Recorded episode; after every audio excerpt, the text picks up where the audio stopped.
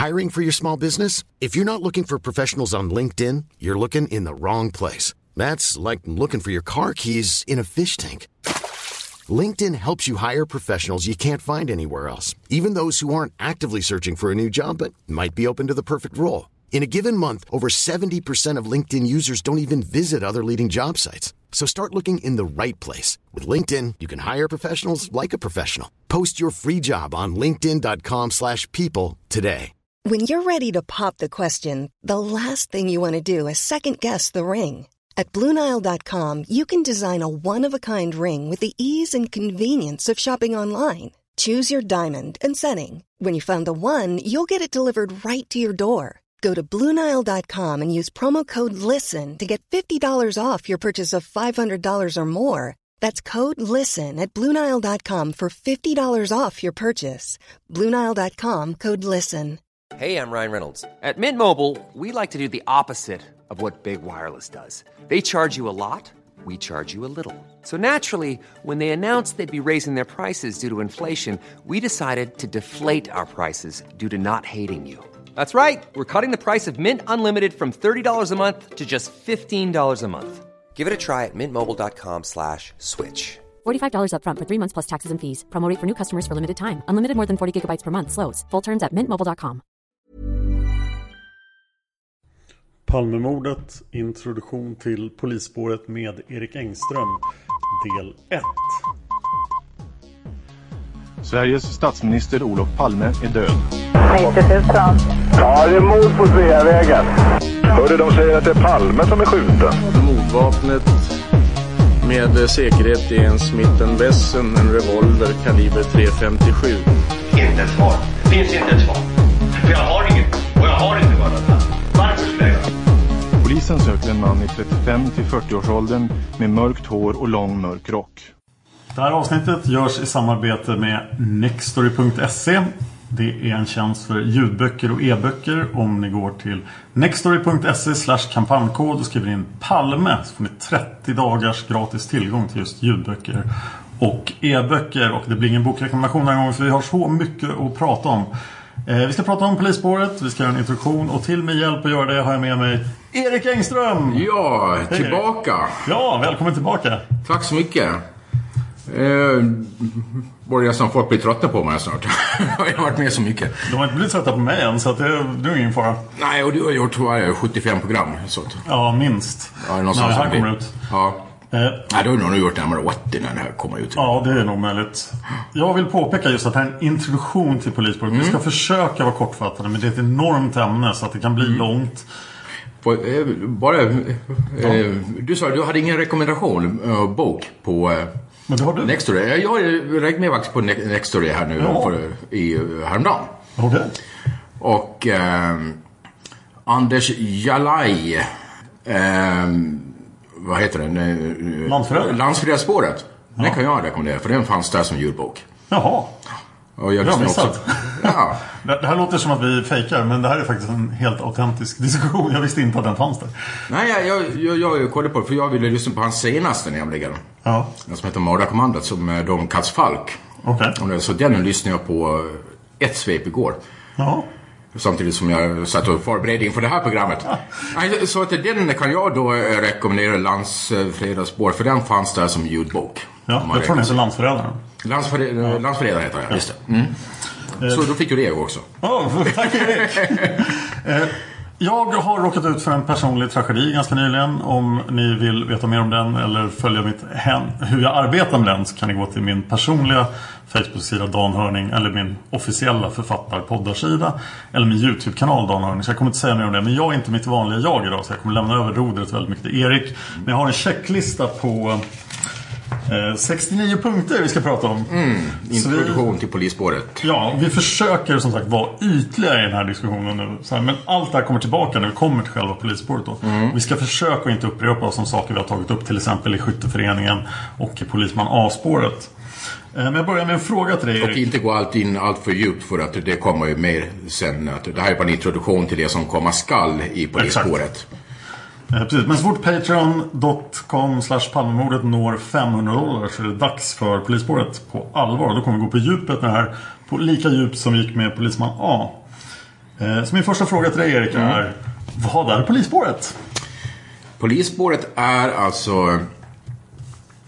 Det, för det viktigaste man måste säga om polisspåret det är att det är inte polisen. Jag tycker det är en konstig benämning egentligen för att polisspåret borde vara poliserspåret.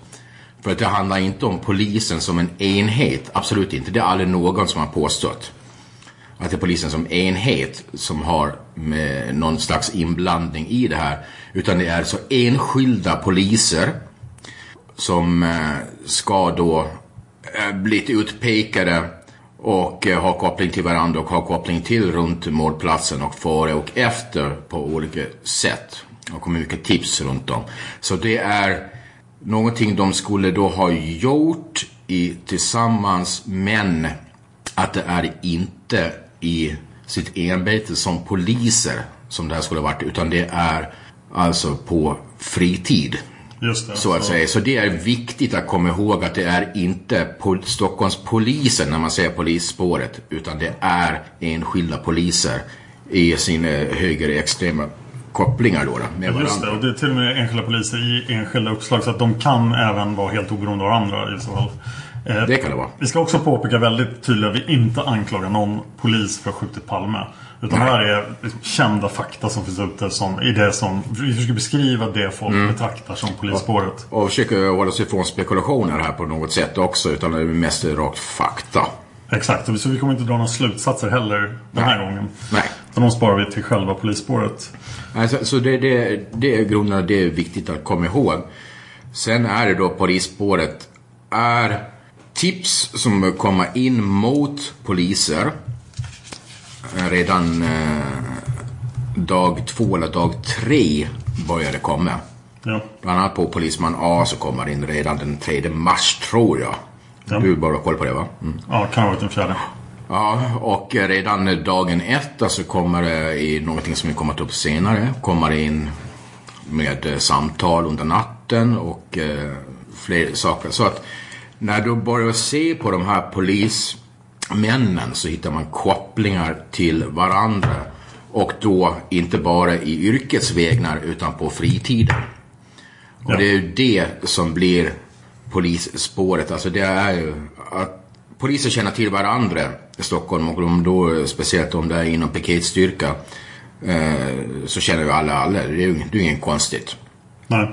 Men det är alltså det som blir polisspår är både enskilda poliser och deras kopplingar till varandra på fritiden. För det är där som det är. Bland annat med Försvarsskytteföreningen vi har gått igenom tidigare. Ja. Två program. Ehm, så att det är det som blir det som blir mer märkligt.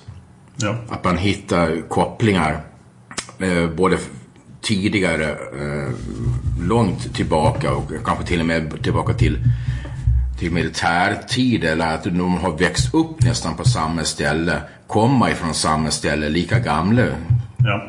som vi kanske kommer in med på när det blir mer specifikt i polisspår. Så att det är så det blir. Alltså det är tipsen på enskilda poliser som blir polisspåret i en eh, i den stora enheten polisspåret så att säga. Ja. Så det, det, alltså det finns tips på runt mot...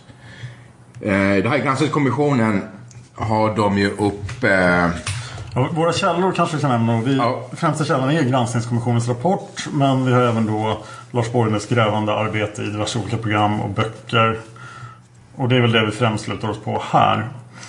Eh, Så att det är här polismännen som finns i granskningskommissionen, de som är mest eh, frekventa då, för det går i en eh, lista på eh, vad vi har förstått i alla fall, att det är polisman A, och sen så vidare neråt, det är och antal uppslag. precis, antal spaningsuppslag i Ja, Palmeutredningen. vi, eh, jag och Dan har väl kommit fram till det i och med att det stämmer inte med att eh, Det stämmer inte med bokstavsordning eller tidsordning eller någonting. Nej, och inte i rang, eh, eh, rangordning heller, alltså i eh, hierarkisk ordning inom polisen, det stämmer inte heller. Nej. Så därför har vi eh, kommit fram till att det kan inte vara något annat än att det är antal uppslag. Precis. Från vi- A och, och eh, alfabetiskt neråt. Just det, och vi använder konsekvent då granskningskonventionens eh, beteckningar på poliserna. Så Ja. att de kommer heta polisman A, polisman B och så vidare. I det Precis här vi gjort fallet ner till J idag, tror jag. Ja. Så punkt två då på listan. Varför dessa poliser? Alltså, var, Varför dessa poliser? Ja, man har ju som sagt var, man hittar koppling till varandra efter tips som har kommit in. Varför de då? Ja, de har ju eh, som sagt var kopplingar till varandra både före och efter. Framförallt före med att eh, eh, på, på, på, ja, eh, både på Norrmalm VD1 då, A-tur och B-tur som det heter. Och sen så kom ju det här gatuvåldsgruppen då 82-83. Ja. Sen så upplöstes gatuvåldsgruppen och sen så blev de, de som har varit då i det som kallas baseballligan, vilket var en tur utav de tre turerna som tror jag fanns inom gatuvåldsgruppen. Ja.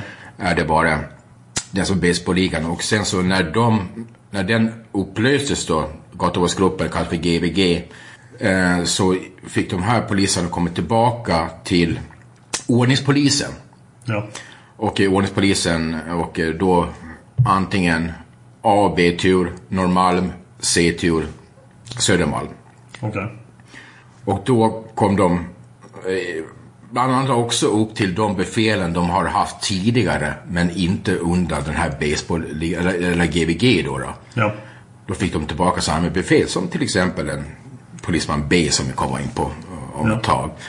Så att eh, där har man alltså tidigare har de här haft kontakt med varandra Ja.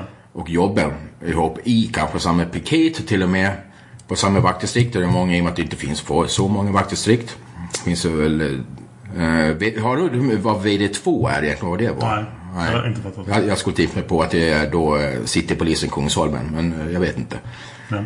För att VD3 är ju Söder, Södermalm och VD1 är ju Norrmalm då. då. Ja.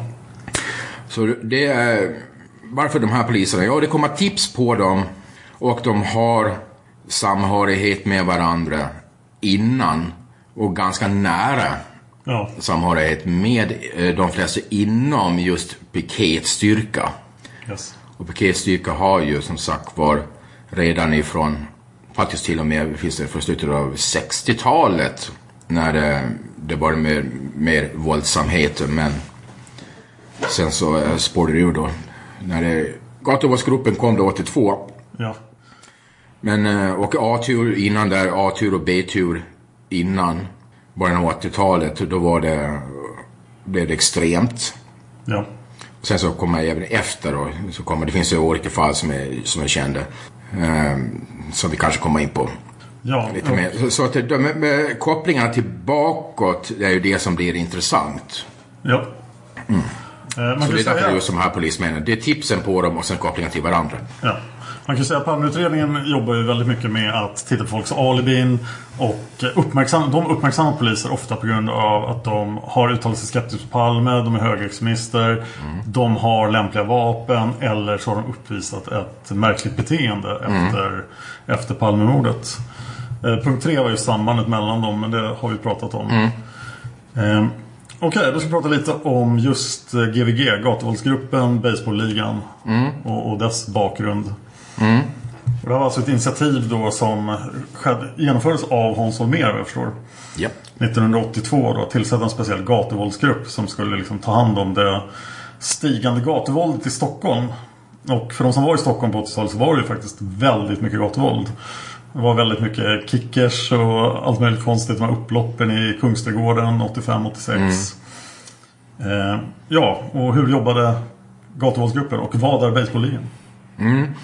Gatuvåldsgrupper var eh, civilklädda eh, i piket. Då, då. Piketstyrka är normalt sett sex personer. Ja.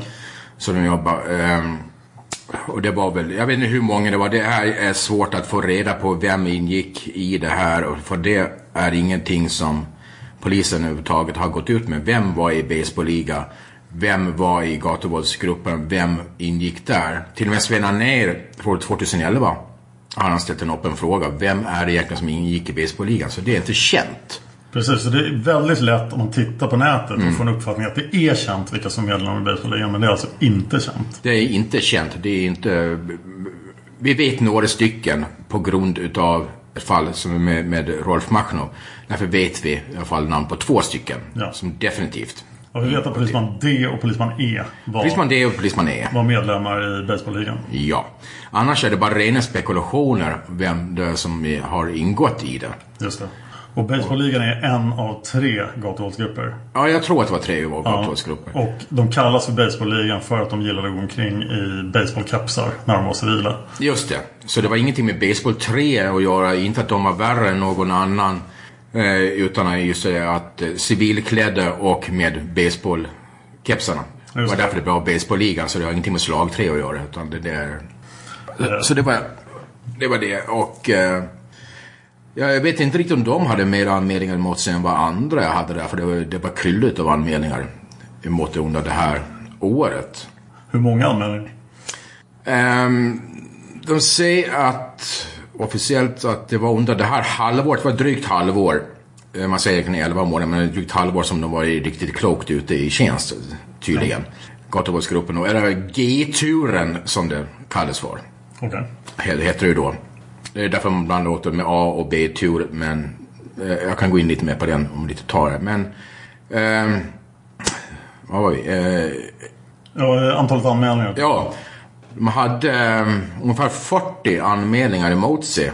Oj. Bara den G-turen. Vilket motsvarade under samma tid antalet anmälningar i hela Malmö mot polisen. Så mycket hade de under det halvåret. Som, eh, och då tycker man att 40 anmälningar mot Malmöpolisen tycker man låter ganska mycket. Men tänkte jag, det här är bara en tur. Det här är kanske, eller i alla fall eh, inte en tur, men i alla fall en eh, gatuvåldsgruppen då. då. Ja. Om det här var baseballligan eller om det är hela, men jag tror att det var hela gatuvåldsgruppen. Och de borde väl kanske vara... Var, en person, om ni har hört det här P3 Dokumentär där man, eh, en person som inte ingick i baseballligan, men pratar om baseballligan. Den är jättebra, den rekommenderas varmt. Eh, eh, Mikael Lund heter han, han är känd så vi kan säga namnet på honom. Ja. I och med att han har gått ut med det här ganska så mycket. Han har pratat i media och han har föreläst om det. Därför tycker jag att det är okej. Ja, och ingen som helst i, i samband med Palmemordet, utan just hur, hur gatuvåldsgruppen jobbade. Ja, precis. Han har varit i eh, turer tidigare och eh, efter. Men han in, definitivt inte ingick i gatuvåldsgruppen. Det gjorde han inte. Nej. Eh, Man ska också kanske påpeka att eh, tanken med... Men, men han, han sa ja, ja, de- de hade de fått 40 anmälningar men borde kanske haft ett par hundra.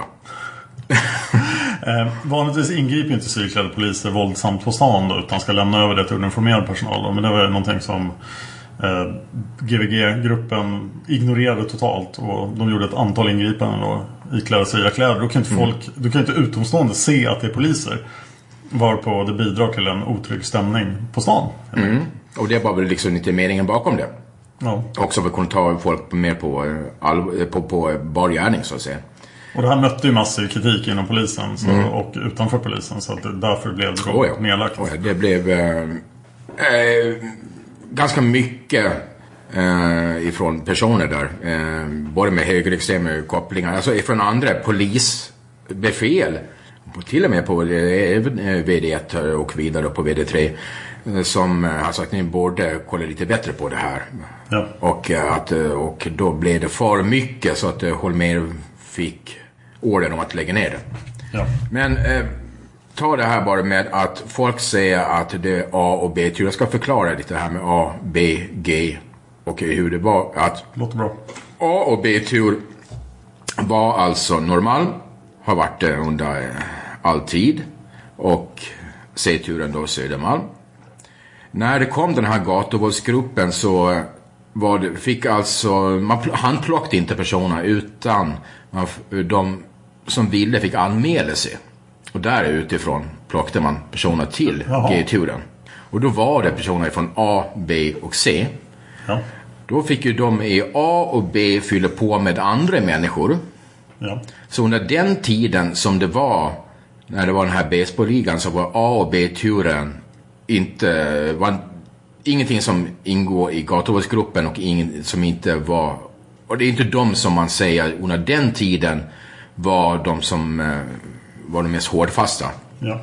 Och sen så när det här lades ner 83 då, då när man la ner eh, Gatuvåldsgruppen så blev de här eh, pe- personerna i paketerna som var med i Gatuvåldsgrupp blev tillbaka till ordningspolisen. Och ordningspolisen blir det då tillbaka till de turerna som var tidigare. A, B och C-turen. Så därför de som var i Gatuvåldsgruppen i G-turen kom tillbaka till A, B, kom tillbaka till A, B och eh, C. Det är därför man lätt blandar ihop där. Så det... Eh, jag vet inte om jag gjorde... Ja, jag försökte göra det ganska klart där. Så att... Eh, därför man, många säger att ja, det var ju A och B-tur som var eh, bäst på ligan. Men det var det inte. Det var G-tur. Men de personerna kom sen tillbaka. Så säga till A och B-tur. För då gick det under ordningspolis. Ja.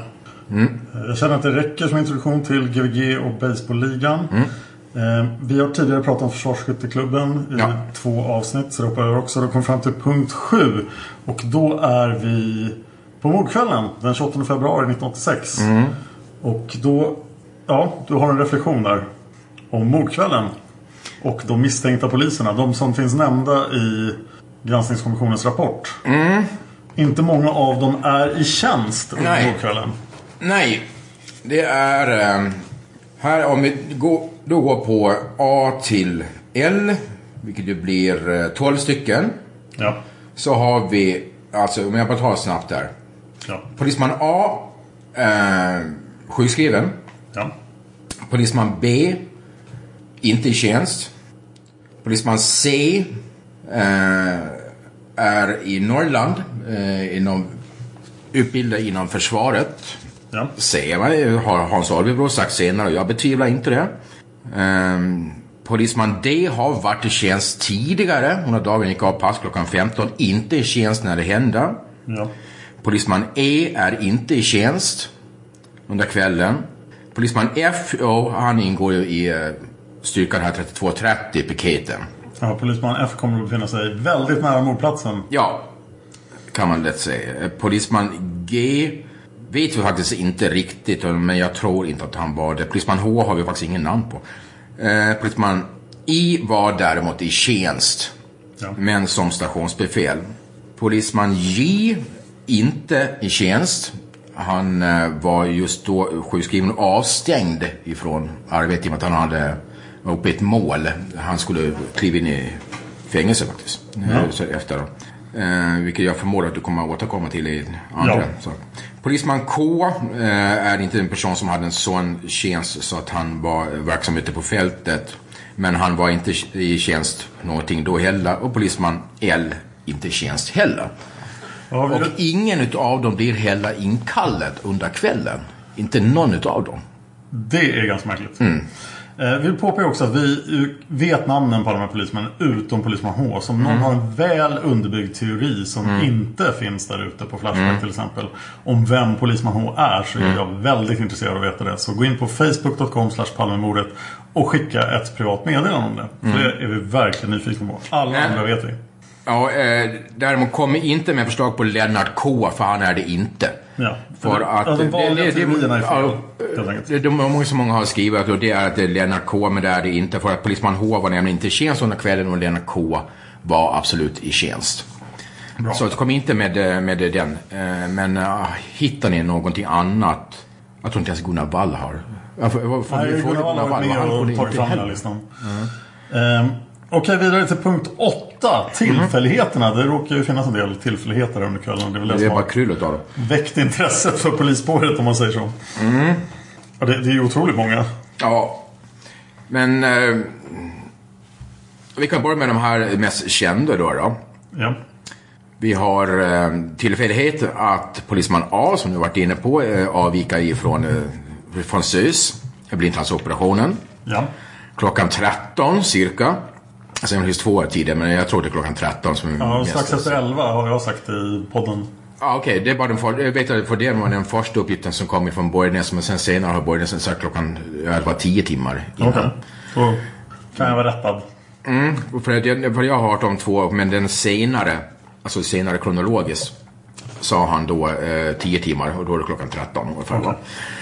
Ehm, Så han inväntar invänt väl kanske att få lunch innan han drog. Jag vet inte. Ehm, det är ju en tillfällighet att han råkade skriva ut sig därifrån. Du har varit inne ganska mycket på det här. Jag tror många har det färskt i minnet. Mot eh, Lekas eh, inrådan. Och att han också då har en, i flyktvägen eh, en lägenhet som han tillsammans med, som du också varit här på, på Lö... Eh, det majoren. Majoren, majoren Ingvar G. Ja, major Ingvar G. I sitt företag EC Security. Vilket eh, jag har kommit fram till att det är EC, alltså inte easy, inte engelska ordet för easy, enkel, lätt. Utan IC, Ja, alltså. Ingvar Karl. Ja. Så att säga. Eh, Så, så det, det har jag kommit fram till att det är väl nog därför som det heter det. I flyktvägen på Regeringsgatan 85A. Och där den hade nycklarna den kvällen var nämligen polisman A. Ja. Ehm, Det är en tillfällighet. Ehm, Så det var ju fler tillfälligheter på han. Ehm, Vi har då polisman F. Ja, och hela Södermalmspiketen 3230. Ja. Väldigt märkliga rörelser Mm. mot kvällen. Men eh, ja, att de å- åkte avvek ifrån sitt patrulleringsområde, vilket var på Södermalm. De tillhör alltså VD3. Ja. Eh, 3230 heter den, om man refererar till någonting så är det 3230 som är den piketbussen. Eh, avvek därifrån för att åka utanför sitt patrulleringsområde, eller rejäl patrull- patrulleringsområde, för det fanns två piketer som tillhörde Norrmalm Ja. ute. Eh, för att flytta om polisman Fs, det var F va? Ja.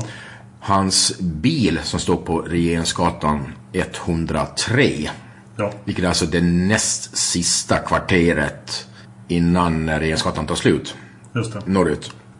Eh, det är alltså det kvarteret som är innan där eh, Skatteverket ligger idag. Ja. Nästan nere vid trehjulingen vid Tegnérgatan. Ja, i backen ner. precis där backen ner börjar. Så att säga. Precis innan backen ner börjar. Det som går ut mot Birger sen. Just. Eh, flyttade om den. ehm, och då flyttade jag om den bilen och då hamnar den bilen precis utanför där eh, polisman A och majoren har sin, eh, den här lägenheten som de har för sitt företag. Just det. Det är faktiskt exakt utanför deras, ah, inte utanför ingången, men i alla fall det är snedd, en av snedden på det huset. Ja. Sista parkeringen på Dörrbagares gata, norras del, är vid hörnet mot Regeringsgatan. Mitt emot, eh, varför parkerade han där? Ja, för att han bodde också på David Bagares gata, mitt emot Regeringsgatan 85.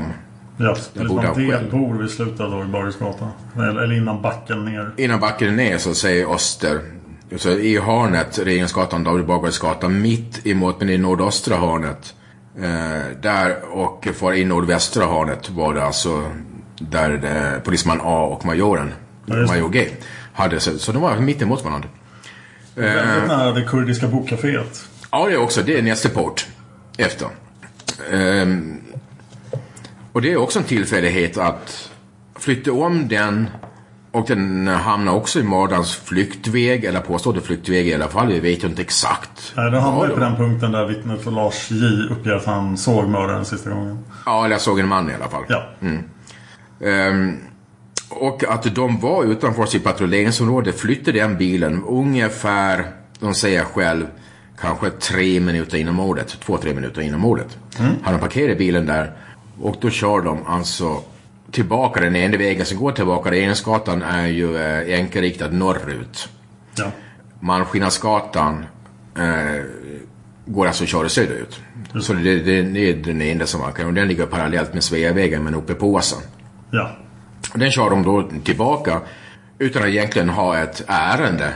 Och helt plötsligt när de kommer ner mot Brunkebergsåsen uppe vid eh, vad heter det, Riksbanken uppe och vid hotellet precis ovanför eh, Kulturhuset. Just. Så att säga.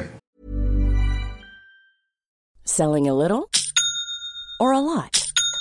Shopify helps you do your thing however you cha-ching. Shopify is the global commerce platform that helps you sell at every stage of your business. From the launch your online shop stage to the first real life store stage, all the way to the did we just hit a million orders stage. Shopify is there to help you grow. Shopify helps you turn browsers into buyers with the internet's best converting checkout. 36% better on average compared to other leading commerce platforms because businesses that grow grow with Shopify. Get a $1 per month trial period at shopify.com/work. shopify.com/work. Here's a cool fact. A crocodile can't stick out its tongue. Another cool fact, you can get short-term health insurance for a month or just under a year in some states. United Healthcare short term insurance plans are designed for people who are between jobs, coming off their parents' plan, or turning a side hustle into a full time gig. Underwritten by Golden Rule Insurance Company, they offer flexible, budget friendly coverage with access to a nationwide network of doctors and hospitals. Get more cool facts about United Healthcare short term plans at uh1.com. Hiring for your small business? If you're not looking for professionals on LinkedIn, you're looking in the wrong place. That's like looking for your car keys in a fish tank. LinkedIn helps you hire professionals you can't find anywhere else, even those who aren't actively searching for a new job but might be open to the perfect role. In a given month, over 70% of LinkedIn users don't even visit other leading job sites. So start looking in the right place. With LinkedIn, you can hire professionals like a professional. Post your free job on linkedin.com slash people today. Där, då får de det här. Ja. Och sticka direkt till plats. Och då tycker man ju det är ju lite märkligt att de råkar vara där precis när larmet går i ett område där de inte ska vara. Just det. På, på en fredagkväll efter löning när det måste vara hur stökigt som helst på Söder. Ja, och har de alltså avvikit därifrån klockan 23 ungefär. Man tycker, jag tycker det låter otroligt dåligt omdöme.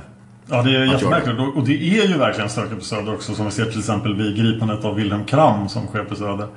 Ja, vid Slussen ja. Just Ja. Mm. Eh, Mm. Men eh, sen och att då kommer ju den här piketen och eh, som andra bil till mordplatsen. Eh, det var bara Gösta Söderström då som kom, eh, kom innan då. då. ja, Gösta Söderström, högsta polisbefäl ute på fältet. Yes. I city på mordkvällen. Japp. Och med sin eh, chaufför Ingvar eh, W. Ja. Eh, hederliga människor eh, som har haft mycket att säga om just de här tiderna. När larmet sen kom och när de kom till platsen. Ja. Vi, vi kommer inte att gå in på tidsanalys och sånt. För den, den kommer att bli ett antal avsnitt när vi kommer till polisspåret. Ja. Men att de kom dit och då var det då polisman F i- då den här piketstyrkan var en av de som blev kommenderade att springa upp efter mördaren. Ja. Alltså springer han upp precis och letar efter mördarens flyktväg precis där han har parkerat sin egen bil och precis där han själv bor för tillfället. Ja. I ett ställe där han inte egentligen ska vara. För de ska inte vara där från början. Och det är också en sån här tillfällighet som är för, lite för bra för att vara sant så att säga. Den är anmärkningsvärd. Mycket anmärkningsvärt. Eh, det finns ju fler med att eh, vi har, jag vet inte hur mycket, hur mycket ska vi gå in med på det? Jag kan bara nämna då det här med att eh, personal från 3230 har andra tjänster den här kvällen. Mm. Som eh, Ulf H som sitter på... Absolut. Tar emot larmen. Ja, Ulf H. En av de två som eh, sitter och tar emot larm på polisens sambandscentral. Ja. Alltså inte LAC, så det, Lesamercentralen är 90 000 men det här är polisens sambandscentral och det är det alltså de som dirigerar polisbilarna. Just det. Så säger och tar emot det som eh, Lesamercentralen 90 000 var det då, är kanske de som inte kommer ihåg det, då heter det 112 idag. Ja. Eh, han har begärt en tjänst, inre tjänst den här dagen. Alltså egentligen skulle han vara med i piketen 3230 som är hans ordinarie tjänst. Ja. Vem som fick ta hans plats det vet vi inte. Eh, och det är ointressant tror jag. I och med att det inte är polisman F, därför är det ointressant. Ja. Vem som fick ta hans tjänst. Ehm, han hamnar vid ett bord som är alltså chefsbordet. Där det inte heller ska vara. Han är inte den som ska ha ansvaret. Det är han som ska ha hela ansvaret för det. Han heter Hans K. Ja. som ska ha ansvaret för det. Eh, men då får han helt plötsligt på att göra de här larmen ut eh, områdeslarm som är först. Områdeslarm är alltså in för de polisbilarna som är i närmast eh, som är på Norrmalm så att säga, enkelt i det här fallet. Just. Eh, sen så finns det alltså fler olika former av larm. Men områdeslarmet är det som är först, det är de som är närmast Ja. som ska dra. Och där ser man lite med tiden att den gick inte så snabbt som det skulle. Nej, många har undrat över den här hanteringen av larmen. Mm. Officiellt så ska de gå 23-23, då är det nog en och en halv minut redan, eller 23-23-30. Eh, tror jag ungefär, ungefär två minuter efter mordet. Ja. Eh, och, och när någon har blivit skjuten på ett ställe så är det väl ändå lite lite dåligt arbete måste man säga. Nonchalant, är det, vill någon påstå att det ingår i någon form av komplott så får man väl göra det men eh, det är också oerhört nonchalant Mm. gjort. Och jag tror också i det här området som var, eh, så till och med jag fördjupar mig för mycket. Eh, Ja, Jag ska försöka stoppa dig, för det är så intressant så att det, okej. jag kanske misslyckas.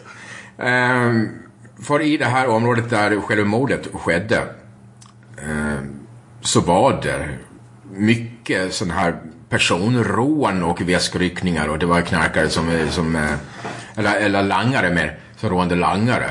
Ja. Och de, så det var mycket sånt där. Så att kanske ett nonchalant beteende. Så jag har, är det någon knarkare som har, som har skjutit en langare? Ja. Äh, whatever. Sen så kanske man prioriterar någonting annat. Ja, det- det kan det- vara sånt nonchalant beteende också.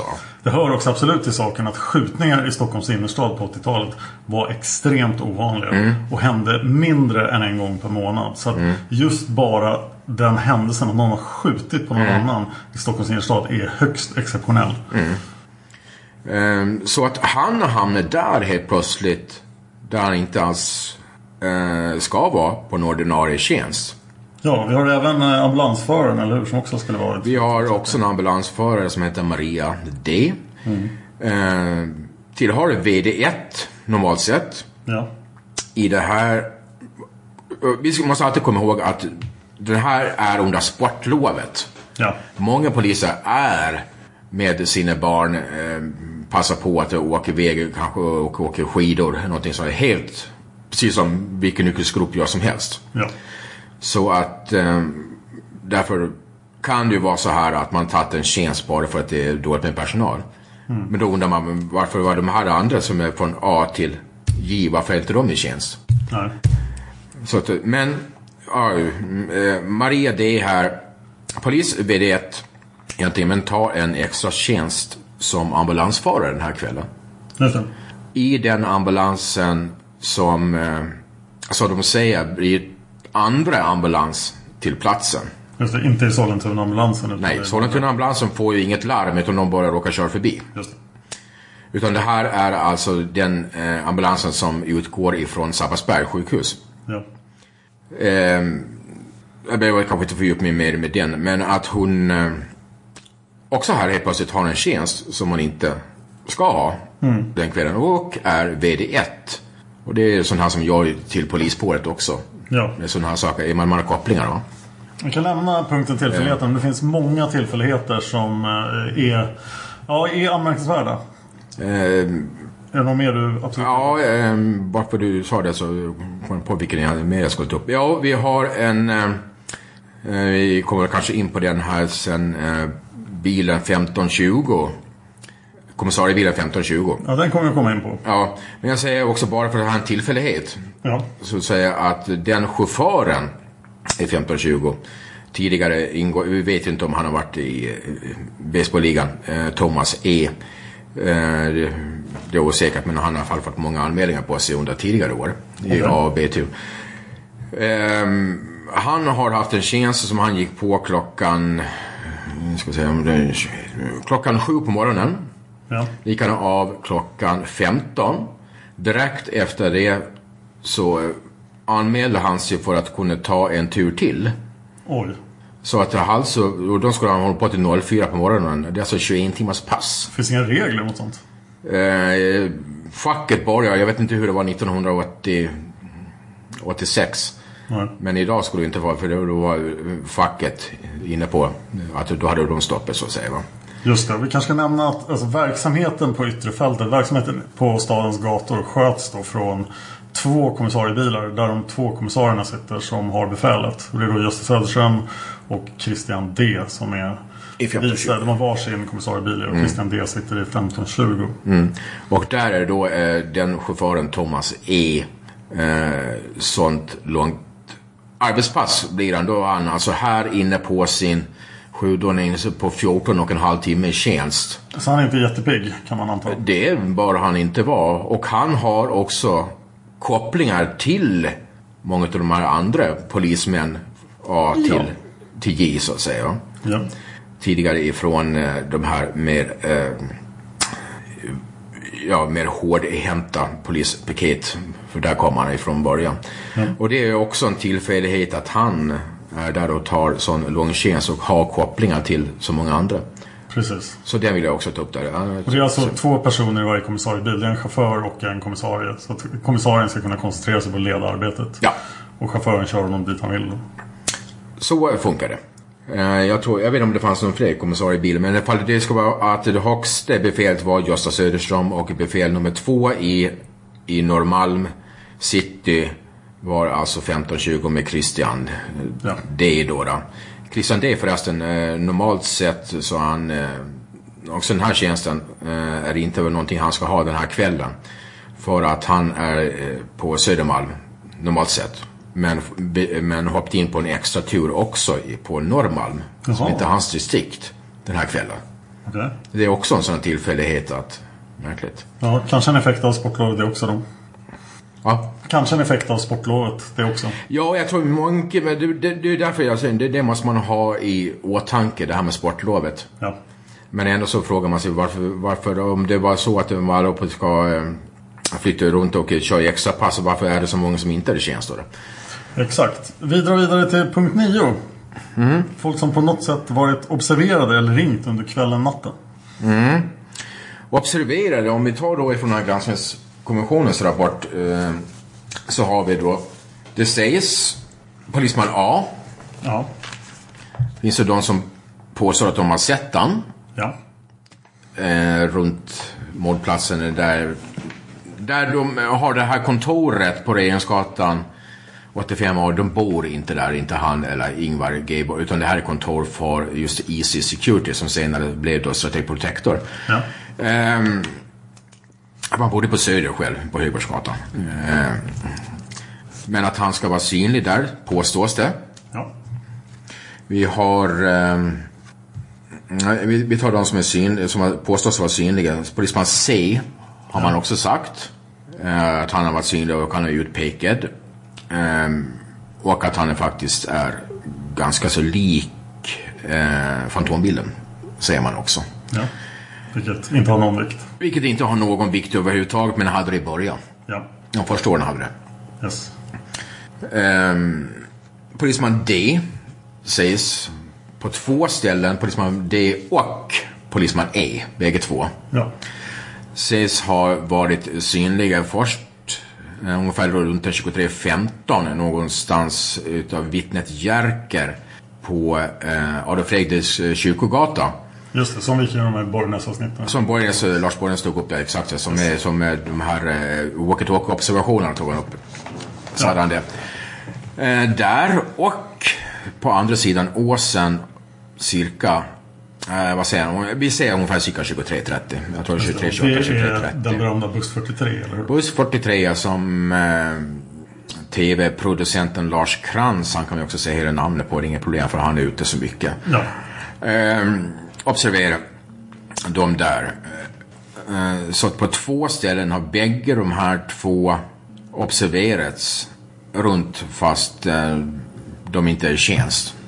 Ska vi dra det där med buss 43 just för att eh, jag tror att det är det som faktiskt... eh. Många säger att det är det som startar polisspåret. Mm. Anna- Annars är det ingenting utav de här vanliga som har observerats någonstans. Eh, där inte förutom de som var de två som var i tjänst. Då. Det. Så vad hände med buss 43? Buss 43 på Eriksbergsgatan tror jag att det är. Eh, som alltså är precis norr om... Eh, eh, vad heter parken? Nu står det. Eh, Humlegården. Humlegården, tack. precis norr om Humlegården. Och, och eh, bara 50 meter in från Birger ungefär. Ja. På den, där kommer en buss som... Eh, jag kommer inte ihåg vart den hade börjat. Jag tror den... Skitsamma var den gick. Men jag tror att den var ner från eh, Tanto. Att den hade börjat gått därifrån. Eh, och sen så vidare upp där och då var det alltså tv-producenten och eh, han har varit ute mycket i media och han är som en eh, så kallad privatspanare. Ja. Och en sån som faktiskt eh, tyvärr utav allihopen har blivit taget som det största skämtet. Har det då blivit. För att han har rört till allting så mycket efteråt med andra saker. Ja, man kan säga att Lars Krantz teorier om Palmemordet eh, ändrade karaktär efter ett tag. Ja, det gör det. Absolut. Eh, och det får ni stå upp själv eh, och skratta åt kanske. Eh, var den här hearing på tre och en halv timme när han ringade in. Eh, som var på radion. Men där ska han alltså observera de här två personerna ungefär 23, 28, 23, 30. Ja. Ett märkligt beteende. Den ene går på bussen och jag ska gå på bussen. Alltså någon som påstår att det var kvinnokläder och sånt där. Men det, ja, det där är bullshit tror jag. Okej. Ehm, ehm, men att ehm, gå på den bussen och men den ena går på men den andra vill inte göra vilket eh, slutar med att de står och dividerar och håller bussen någon minut extra. Det är det som gör att Lars Krantz blir uppmärksam Ja. på att de är där. Eh, Och det är alltså i tiden för att komma ifrån mordplatsen 23-21 rakt över åsen. För då springer man rakt över åsen och ner på andra sidan. Då kommer man till den här platsen. I stort sett. Ja. Plus eh, 70-80 meter kanske. Om du tar rakt över åsen, David Bagares gata ner. Sen har du 70-80 meter kanske norr upp. Då kommer du dit.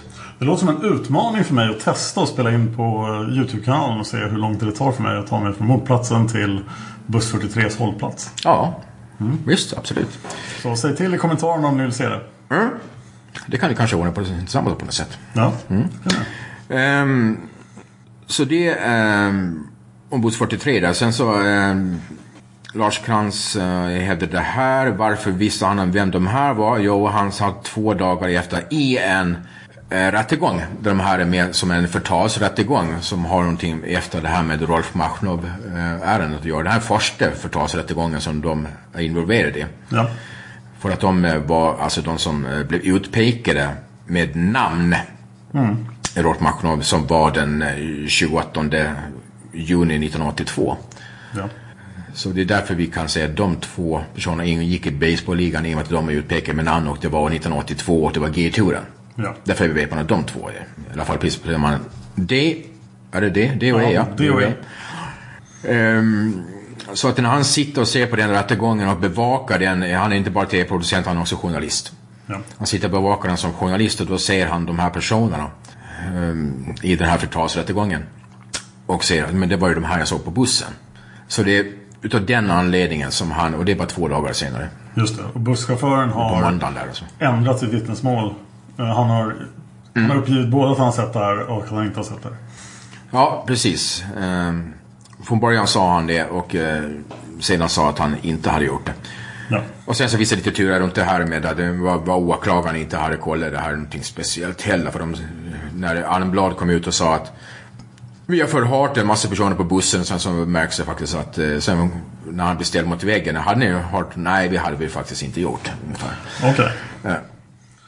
Eh, ja, vi hade samtalen också under kvällen. Det är några anmärkningsvärda samtal. Ja, det är framförallt ett. Tänker du på polisman B? Jag tänker på polisman B och polisman I. Okej. Det är ju polisman B. Ringa strax efter midnatt då. Eh, ja, det kan inte vara. Ja, ja, när det är. Det är fall efter midnatt i alla fall. Ja. Eh, ringa in till stationsbefälet på, på eh, befälet på VD1 som är polisman I. Ja. I, ja, det stämmer. Ehm, och eh, lite hårda ord så, så att säga. Han sitter där och han eh, skålar för att Palme är död. gör han i, eller en symbolisk skålning i alla fall. Och säger nu äntligen fick fehunden Ja, någonting sånt där va? Vi kommer gå in jag kommer inte exakt- vad, vad, vad det var. Men det är in. någonting att nu fick fehunden vad han... Vad han förtjänar. vad han förtjänade. Någonstans. Vi, vi kommer gå in i full detalj på det här samtalet och utredningen runt det i samband med spåret Polisman B som nu finns på Patreon också. Mm. Så han kommer få ett eget spår. Ja, han är mycket intressant, det kan man ju lätt säga.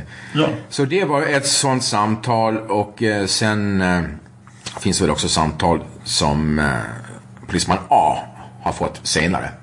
Och har pratat om. natten bland annat. Det har du tagit upp redan. Så att, eh, Yes. Men det är sådana samtal och det här eh, i alla fall det här samtalet som jag säger nu mellan polisman I eller polisman B till polisman I. Det är för bekräftat att det har hänt och det är bägge två sagt. Ja. Eh, Fast de säger kanske lite andra ordalag men ungefär att det är så. Eh, sen har Erik tänkt köra två punkter om ammunitionen och om 357 Magnum. Men jag hänvisar till avsnittet eh, eh, Kulorna och vapnet. Och vi kommer tillbaka till vapnet och kulorna. Det kommer att bli en egen serie avsnitt senare också. Så vi hoppar över det och kommer till punkt 12. Ingen tar kommando. Nej, det är... Det här är det märkliga med under kvällen. Jag, polis... Eh, det ingår en del i polisspåret. Man vill vara konspiratorisk. Larm komma in. Eh, du har då den här förseningen från Ulf H. I början. Och vi går på Jossa Söderströms tid när han rapporterar in att det är Olof Palme som är offer. Ja. Det är, det är 23.30. Exakt klockslaget 23.30. Ja. Då är det nio minuter efter mordet. Mm. Så att eh, man säger att, det, eh, eh, att man kanske slarv... Nej, att man ville förhala för att det var Olof Palme. Och Där vill man ha in en massa personer som eh, skulle göra det från eh, polisens sambandscentral. Och man, men vet man inte om att det är Olof Palme så kan man inte säga att det här är handlingsförlamning de första nio minuterna. Det Nej. kan man aldrig komma påstå för då är man, vet man inte om ifall det inte är en konspiration. Fast Gösta Söderströms tider är ju väldigt bestridda. Ja, men att han, men 23.30 att han där, att han inrapporterade att det är Olof Palme. Okej. Den är, den är klar. Ja. Det är ingen som har, det har han själv sagt och det är ingen annan där som eh, i rapporteringen. Utan det är när han själv kom till platsen, det är där, de tiderna. Okej. Men den inrapporteringen, den 23.30, den är eh, klar från bägge håll. Ja. Ehm, vad var egentligen? Eh, Ingen tar kommando. Nej, och när det då... För de här första nio minuterna är väl ingen som tar någonting heller klokt. Det är... Eh, jag vet inte vem det är som ska vara den högsta polis, en poliskommissarie där antar jag då. Det ska vi prata På. om i polisspåret Mm. sen. Men eh, ja. Men i, eh, sambandscentralen ska ju någon ta kommandot och dra av där direkt och de som ska se till att någon ska ta kommandot det är Hans K som jobbar där. Ja. Han som är på sambandscentralen som en mottagning av tips är den som, som ska delegera arbete. Ja. Det är, sen så blir det känt att det är Olof Palme. Men där rings det inte in de personerna som det ska göra. De som man ska ringa in. Nej. Vi har bland annat eh, Arne Ivrell som är eh, chef för Riksmålskonventionen. Det, eller vad det heter då. Det heter Riksmålskonventionen då också. Jag vet inte. Men eh, hur som helst. Han är den som man ska ringa först och främst i det här läget. Ja. Han är hemma. Han låg hemma och så. Han fick reda på det här 11 på förmiddagen att Palme var skjuten Det är väldigt 12 anmärkningsvärt. timmar efter. Genom media. Ingen som har ringt honom utan genom media. Fick Wow. han se det här. Eller om det var på morgon-tv. Eh, så han är inte inringd. Eh, det finns andra personer som det ska ringas in direkt. Eh, istället försöker man betala på en Hansson Mail som eh, i Borlänge liksom. Ja, Hans Holmér är på väg för att åka Vasaloppet. Och har med Mm. sig sin exakt. blivande hustru, dåvarande älskarinna. Eftersom han ligger i skilsmässa. Försöker få tag i honom fast som vet att han inte... Och sen är han ju 30 mil bort eller vad, vad det nu kan vara. Ja. Ehm, och andra personer som ska... För det där är det att det finns fyra stycken chefer som ska ringa, där man har en jourtjänst. Uh, där de ska ringa och där har de vem där man ska ringa. Bland annat Sven-Åke Hjälmeroth eh, som till slut kommer till platsen. Ja. Jag vet inte hur lång tid det tog innan han kom. Det var nog efter midnatt tror jag. Ja. Och han var väl De flyttade runt så mycket tjänster på den här tiden. Men han var... Kommer du ihåg vad han var just då? Inte på rak Nej. Jag tror han... Ah, ja. Men han är i alla fall en av de som skulle ta tag Senare blev han ju... Eh, när Peganess fick gå så blev han... Nej, det blev han med CP nu. Oh. Nej, man blandar ihop alla de här på något ja. sätt i alla fall. Men, man kan konstatera att ingen tar befälet. Och ingen tar befälet och ingen ser till att någon blir inringd för att ta befäl. Nej. Så att det är den handlingsförlamningen, okej, okay, men i handlingsförlamning så kanske man vill skjuta ifrån sig ansvar och det är väl då man ser till att man ringer in så att någon annan ska ta tag i ansvar som man kanske själv inte vill ta, ta tag i. Ja. När det är någonting så här stort. Men det händer inte. Nej. Det händer inte inom, jag tror att det Hjälmeråt var efter midnatt. Ja. Som ringde in han.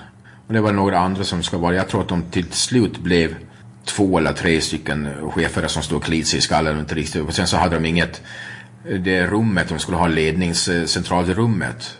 Där fanns inte ens datorer som funkade. Liksom. Precis, de måste ha dit en tekniker för att installera datorerna. Ja, eller flytta om dem, ja. de som fanns. Så att egentligen är det ingen som tar befälet innan Hans Holmér är tillbaka? Nej, inte under natten för det händer liksom ingenting klokt under natten utan eh, det, det är en eh, handlingsförlamning där och eh, när det går ut ett eh, rikslarm så är det 02 strax efter 02. Mm. Rikslarmet går ut där, men någonstans mellan 02 och 02.30. Just det, baserat på Åke Rimborns uppgifter som vi pratade om i Lisbeth. Ja, precis. Så att det där också, vad det här med polisspåret att göra, ja det är det att vill man vara konspiratorisk så eh, kan man ju få till det. Ja. Genom det här så att säga också då. Att man inte ringer in de som verkligen är de som man ska ringa in i det här fallet. Och det är likadant eh, befäl att eh, göra det här områ områdeslarmet större. Det är ingen, ingen som tar tag i det här. Ja. Så områdeslarmet var ju bara det här som jag förklarade förut. De när polisen närmaste Norrmalm då, och kanske även Södermalm.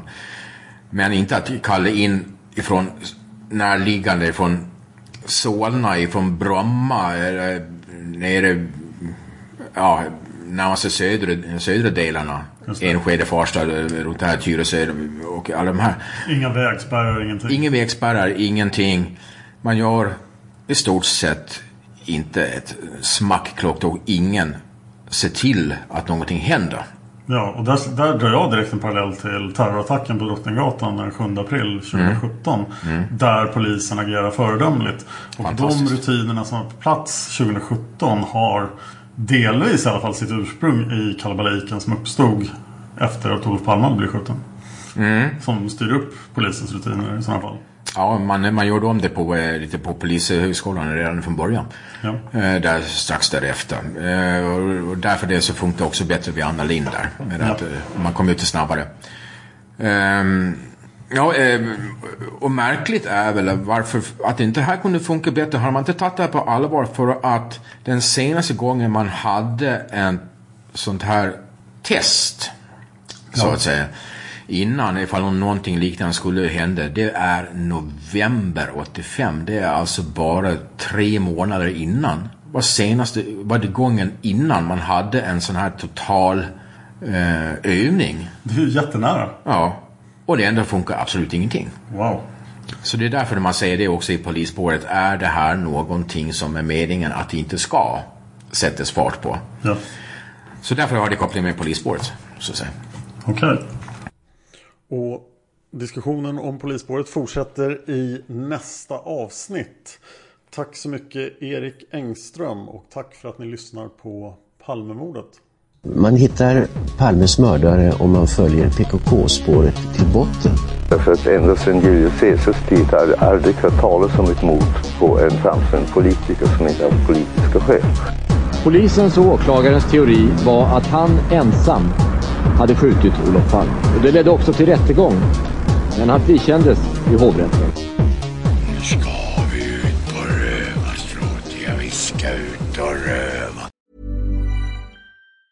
Hey, it's Danny Pellegrino from Everything Iconic. Ready to upgrade your style game without blowing your budget? Check out Quince. They've got all the good stuff, shirts and polos, activewear and fine leather goods, all at 50 to 80% less than other high-end brands.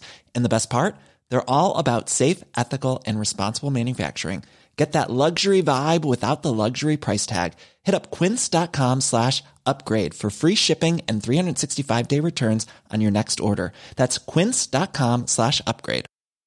Normally, being a little extra can be a bit much, but when it comes to healthcare, it pays to be extra. And United Healthcare makes it easy with Health Protector Guard fixed indemnity insurance plans. Underwritten by Golden Rule Insurance Company, they supplement your primary plan, helping you manage out of pocket costs without the usual requirements and restrictions like deductibles and enrollment periods. So when it comes to covering your medical bills, you can feel good about being a little extra. Visit uh1.com to find the Health Protector Guard plan for you. Even when we're on a budget, we still deserve nice things. Quince is a place to scoop up stunning high end goods for 50 to 80% less than similar brands. They have buttery soft cashmere sweaters starting at $50, luxurious Italian leather bags, and so much more. Plus, Quince only works with factories that use safe, ethical, and responsible manufacturing. Get the high-end goods you'll love without the high price tag with Quince. Go to quince.com/style for free shipping and 365-day returns.